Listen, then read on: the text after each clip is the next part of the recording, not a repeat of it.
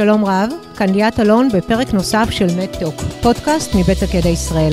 הפעם אנחנו בסדרת פרקים מיוחדת מוועידת חדשנות בבריאות 2020 של דה מרקר, ושמחים מאוד לשוחח עם מר אהרון אהרון, מנכ"ל רשות החדשנות. אהרון שלום ותודה שהסכמת לשוחח איתנו. בוקר טוב. מר אהרון אהרון, נשמח לשמוע ממך כמנכ"ל רשות החדשנות, מה לדעתך השינוי המשמעותי ביותר שחל בתחום הרפואה הדיגיטלית בשנתיים האחרונות? אני חושב שהמרכז הוא שהחולה הפך להיות המרכז והמערכת יושבת סביבו. כדי לעשות את הפעולה הזאת היא נובעת משני דברים. אחד, הרפואה הפכה להיות מאוד מאוד ספציפית, וכתוצאה מזה שהרפואה מאוד מאוד ספציפית, לכל רופא יש את המומחיות שלו, והאדם שיכול לעשות את התכלול של סך כל המערכות זה הפציינט עצמו, זה החולה עצמו. גם האדם הבריא. כדי שהאדם הבריא יוכל לעשות את התכלול הזה, הוא צריך הרבה אמצעים שייתנו לו אה, monitoring טוב לגבי מצבו הרפואי. אז זו המהפכה שבעצם קורית. המהפכה שקורית שבו האדם עצמו הפך להיות המרכז של הטיפול הרפואי. הרבה מאוד מהטיפולים שפעם היו אמבולטוריים והיה צריך ללכת לבית חולים, אפשר לעשות אותם כבר בבית. וזה בעצם המהפכה שעכשיו אנחנו מתחילים איתה, אבל היא קורית בגדול. ה empowerment של ה patient. כן. אוקיי. Okay. אני חושבת שכל מי שעוסק בעולם של אה, חדשנות בתחום הרפואה, בין אם בפיתוח מולקולות ובין אם בפיתוח של אה, שירותים דיגיטליים, יכול להעיד כי רשות החדשנות עושה בהחלט עבודה מבורכת בשנים האחרונות. אה, אם בעבר היו חברות נרתעות בשל סרבול, היום אתם מאוד מנסים לפשט את התהליך, ואני אשמח אם תוכל לספר לנו בקצרה בכמה חברות אתם תומכים בכל שנה, באיזה היקפים, אולי באיזה תחומים מרכזיים. אוקיי, okay, אז קודם כל אנחנו תומכים בפרויקטים, אה, פחות בחברות. יש, מטבע הדברים שחברה קטנה זה פרויקט אחד, אבל יש חברות גדולות, זה מספר פרויקטים. אנחנו תומכים ב-1,500 פרויקטים. התקציב השנתי שלנו הוא 1.7 מיליארד שקל, ובעצם אם אני מסתכל על התחום של מדעי החיים, שזה התחום הרלוונטי, מסך כל התקציב אנחנו כ-500 מיליון אה, שקל, זה הנושא של מדעי החיים. הדבר הזה הולך וגדל עם השנים. אני חושב שדבר נוסף, אנחנו מחלקים אותו לשני דברים. אחד, השקעה בטכנולוגיות בסיסיות, ושניים, פיילוטים. הדבר שהכנסנו לאחרונה זה נושא של פיילוטים. מה זה אומר? זה אומר שחברה שיש לה כבר אה, prototype שעובד, איזשהו אב טיפוס שעובד, יכולה להטמיע אותו במערכות הבריאות הקיימות, אם זה בתי חולים, אם זה קופת חולים וכולי, וזה נותן אה, אה, בסיס לשיתוף פעולה מדהים שבין הרגולטור, במקרה הזה משרד הבריאות, לבין הסטארט-אפים. כלומר, אתם תומכים לא רק במענקים אה, כספיים, אלא גם בעצם בחיב, בחיבור ל ecosystem, ו, ועוזרים לסטארט-אפ בעצם נכון, להטמיע את הטכנולוגיה. נכון, וגם עושים את החיבורים וגם נותנים מענק לאותו סטארט-אפ כדי להטמיע את הטכנולוגיה באותו ארגון שעליו מדובר. אוקיי, ואני יודעת שזה אולי יהיה קשה לבחור, אבל האם תוכל לציין את הסקטור שאתה סבור שהוא המשמעותי ביותר עבור ישראל, ושיש היום לסטארט-אפ את הסיכוי המשמעותי ביותר אה, להצליח, לפרוץ ולעשות את האקזיט המיוחל? אז זהו, אז כשמדברים איתי על אקזיט מיוחל, אני תמיד חושב לטווח ארוך ולא לטווח קצר. אוקיי. אז אני יזיז את הטווח הקצר אחורה, אה, הצידה, כי אני חושב שהוא לא רלוונטי. זאת אומרת, תמיד יהיה חברה שעושה איזושהי אפליקציה נחמדה ומוכרת אותה במחיר טוב, אבל על זו, לא על זה אני מדבר. אני מדבר על השקעות לאורך זמן, שבאמת הולכות ועושות גם אימפקט שהוא מעבר לחברה עצמה. ואני חושב שאם אני מדבר על התחום, התחום המעניין, לדעתי זה מה שאנחנו קוראים לו bio-convergence. זה את אותו תחום שמקשר בין דיסציפלינות שונות, כדי לפתח את תעשיית הבריאות באמת לגבהים אחרים.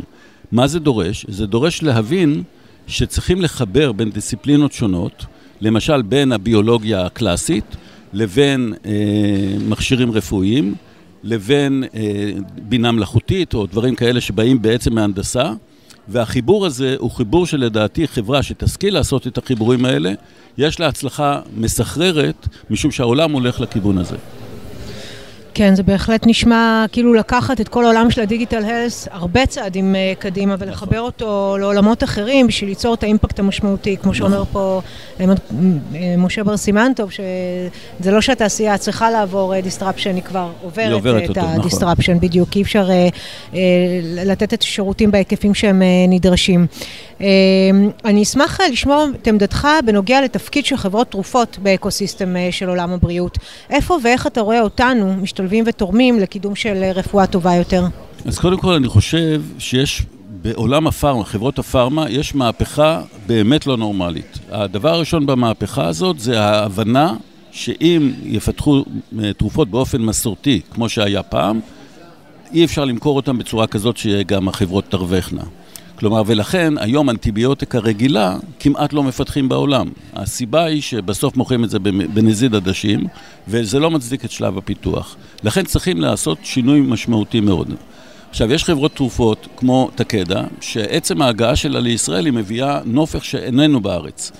היכולת לעבוד יחד עם האקוסיסטם המקומי, יחד עם ההבנה של מדיקל devices מצד אחד, ומצד השני אה, בריאות דיגיטלית, השילוב בין השניים, כולל הביולוגיה שהיא מביאה את זה כזה, יכול, אחד, לגרום לכך שהתרופות שמתפתחות יהיו הרבה יותר מהירות והרבה יותר מותאמות. הרבה יותר מהירות, זאת אומרת שזמן הפיתוח יהיה יותר קצר, וזה כמובן יאפשר יותר רווח. בצד השני, הרבה יותר מותאמות, זאת אומרת שהרגולציה תהיה הרבה יותר חלשה מהרגולציה כיום, משום שהרגולציה כיום מתואמת לרפואת המונים. כן, אני שמחה לשמוע את זה, כי גם אני מאמינה שבעצם רק שילוב כוחות יכול אה, להביא יותר מהר לצרכן, גם בעצם תרופות, אבל גם טכנולוגיות שהן נכון. משלימות והן עוזרות. אה, ושאלה אחרונה לסיום, אנחנו בפתחה של, אה, בפתחו של עשור חדש, של שנה חדשה, עשור שכולם מדברים עליו כעשור סופר משמעותי בכל מה שקשור להתפתחויות בתחומים של רפואה דיגיטלית, ואני אשמח לשמוע מה החזון שלך בתחום הזה, ולאפשר לך לנצל את הבמה הזו, להעביר מסר לסטארט-אפים בתחום של רפואה רפואה דיגיטלית?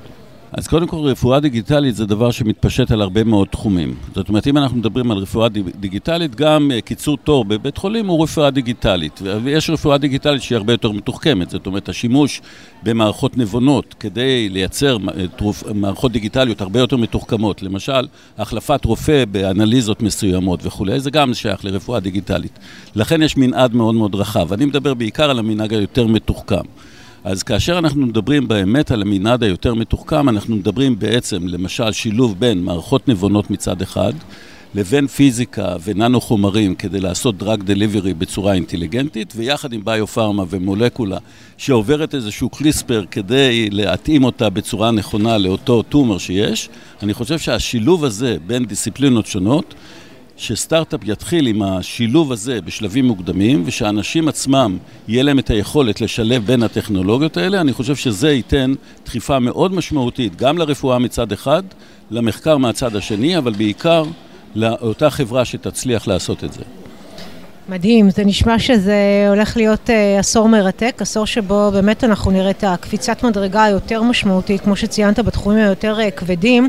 זה גם נשמע לי אולי שהאופי של הסטארט-אפים קצת ישתנה, מחברות שהיו ככה יותר מוכוונות טכנולוגיה, כמו שאתה אומר, לחברות שהן יותר בפוקוס של ביולוגיה, כימיה, עם האד-און של הטכנולוגיה, וזה נכון, מה שיעשה את השינוי. נכון, זה, זה השינוי הדרמטי שיקרה, ואני חושב שהשינוי הזה הוא לא רק שינוי בחברות עצמם, גם ייתן אימפקט על האוכלוסייה. שזה דבר כמובן משמעותי מאוד, כי בסוף כולנו רוצים לייעל את מערכת הבריאות ולתת לאזרחים בריאות יותר טובה. אני יודעת שהבטחתי שזאת הייתה שאלה אחרונה, אבל אני חייבת עוד אחת. איפה ישראל בכל הסשן הזה? אנחנו נקראים startup nation, אנחנו, אה, יש פה הרבה, אבל בוא, אני רוצה לשמוע את עמדתך בתחום הזה. יפה, אז אנחנו ננתח את זה לפי הפילרים השונים. זאת אומרת, בביולוגיה אנחנו יודעים שיש לנו המצאה, המצאות שיצאו מישראל, שמונה בלוקבאסטרים שיצאו מישראל, מוכרים 30 billion, 30 מיליארד דולר בשנה, אבל לא בישראל. כלומר שבישראל נהנים רק ממעט מסך כל ה... אז זה בעולם של הביולוגיה, ואני חושב שאם את מסתכלת על מכון ויצמן, מקום שישי בעולם אה, מבין כל המוסדות, מוסדות המחקר, וכאשר עשרה מתוכם הם ארצות הברית. אז הוא הראשון שהתברג שלא מארצות הברית, אז זה דבר יפה. במדיקל דווייסס אנחנו בדברים דומים. יש 600 חברות medical devices, הרבה מאוד חברות medical devices גדולות, כמו ג'נרל אלקטריק ומדטרוניק ואחרים, פתחו את ה headquarter שלהם פה כדי לייצר medical אה, devices שיוצאים מישראל, כרגע מייצרים בשני מיליארד דולר בשנה. אם את מסתכלת עכשיו על הדבר ה-AI למשל, או מערכות נבונות, יש לנו את מספר הסטארט-אפים הגדול, או מספר החברות הגדול בעולם, במקום שלישי אחרי ארצות הברית, סין, ואנחנו מקום שלישי, אבסולוטית. כלומר, במספר אבסולוטי. ולכן יש שם פוטנציאל ענק שצריך לדעת לממש אותו. המימוש צריך להיות דרך בתי החולים בישראל, הנושא של רופא חוקר בישראל הוא מאוד מאוד מפותח. שיבא זכתה במקום עשירי עוד פעם בעולם, הראשונה שהיא לא ארצות הברית. ולכן אני חושב שהפוטנציאל מדהים, רק צריך לדעת לממש אותו. ויחד עם אה, רשות החדשנות, אני בטוחה שסטארט-אפים וחברות ואנשים שיש להם חזון ורוצים באמת אה, להשפיע, אה, יוכלו לעשות את זה ובגדול. אז דוקטור... אז אהרון... יכולה להגיד דוקטור, לא נורא. מה זה? אני יכולה. יכולה להגיד כן. דוקטור, זה לא נכון, אז, אבל בסדר. אז אהרון אהרון, מנכ"ל רשות החדשנות, תודה רבה לך על השיחה הזאת. תודה רבה לך. עד כאן במהדורה הזו של מתוק, הפודקאסט מבית תקדע ישראל. תודה שהייתם איתנו. תוכלו להאזין לפרקים נוספים של מתוק, הזמינים באתר תקדע ישראל, בספוטיפיי ובאפליקציות הפודקאסטים של גוגל ואפל. נשתמע בקרוב כדי להיות קשובים לבריאות.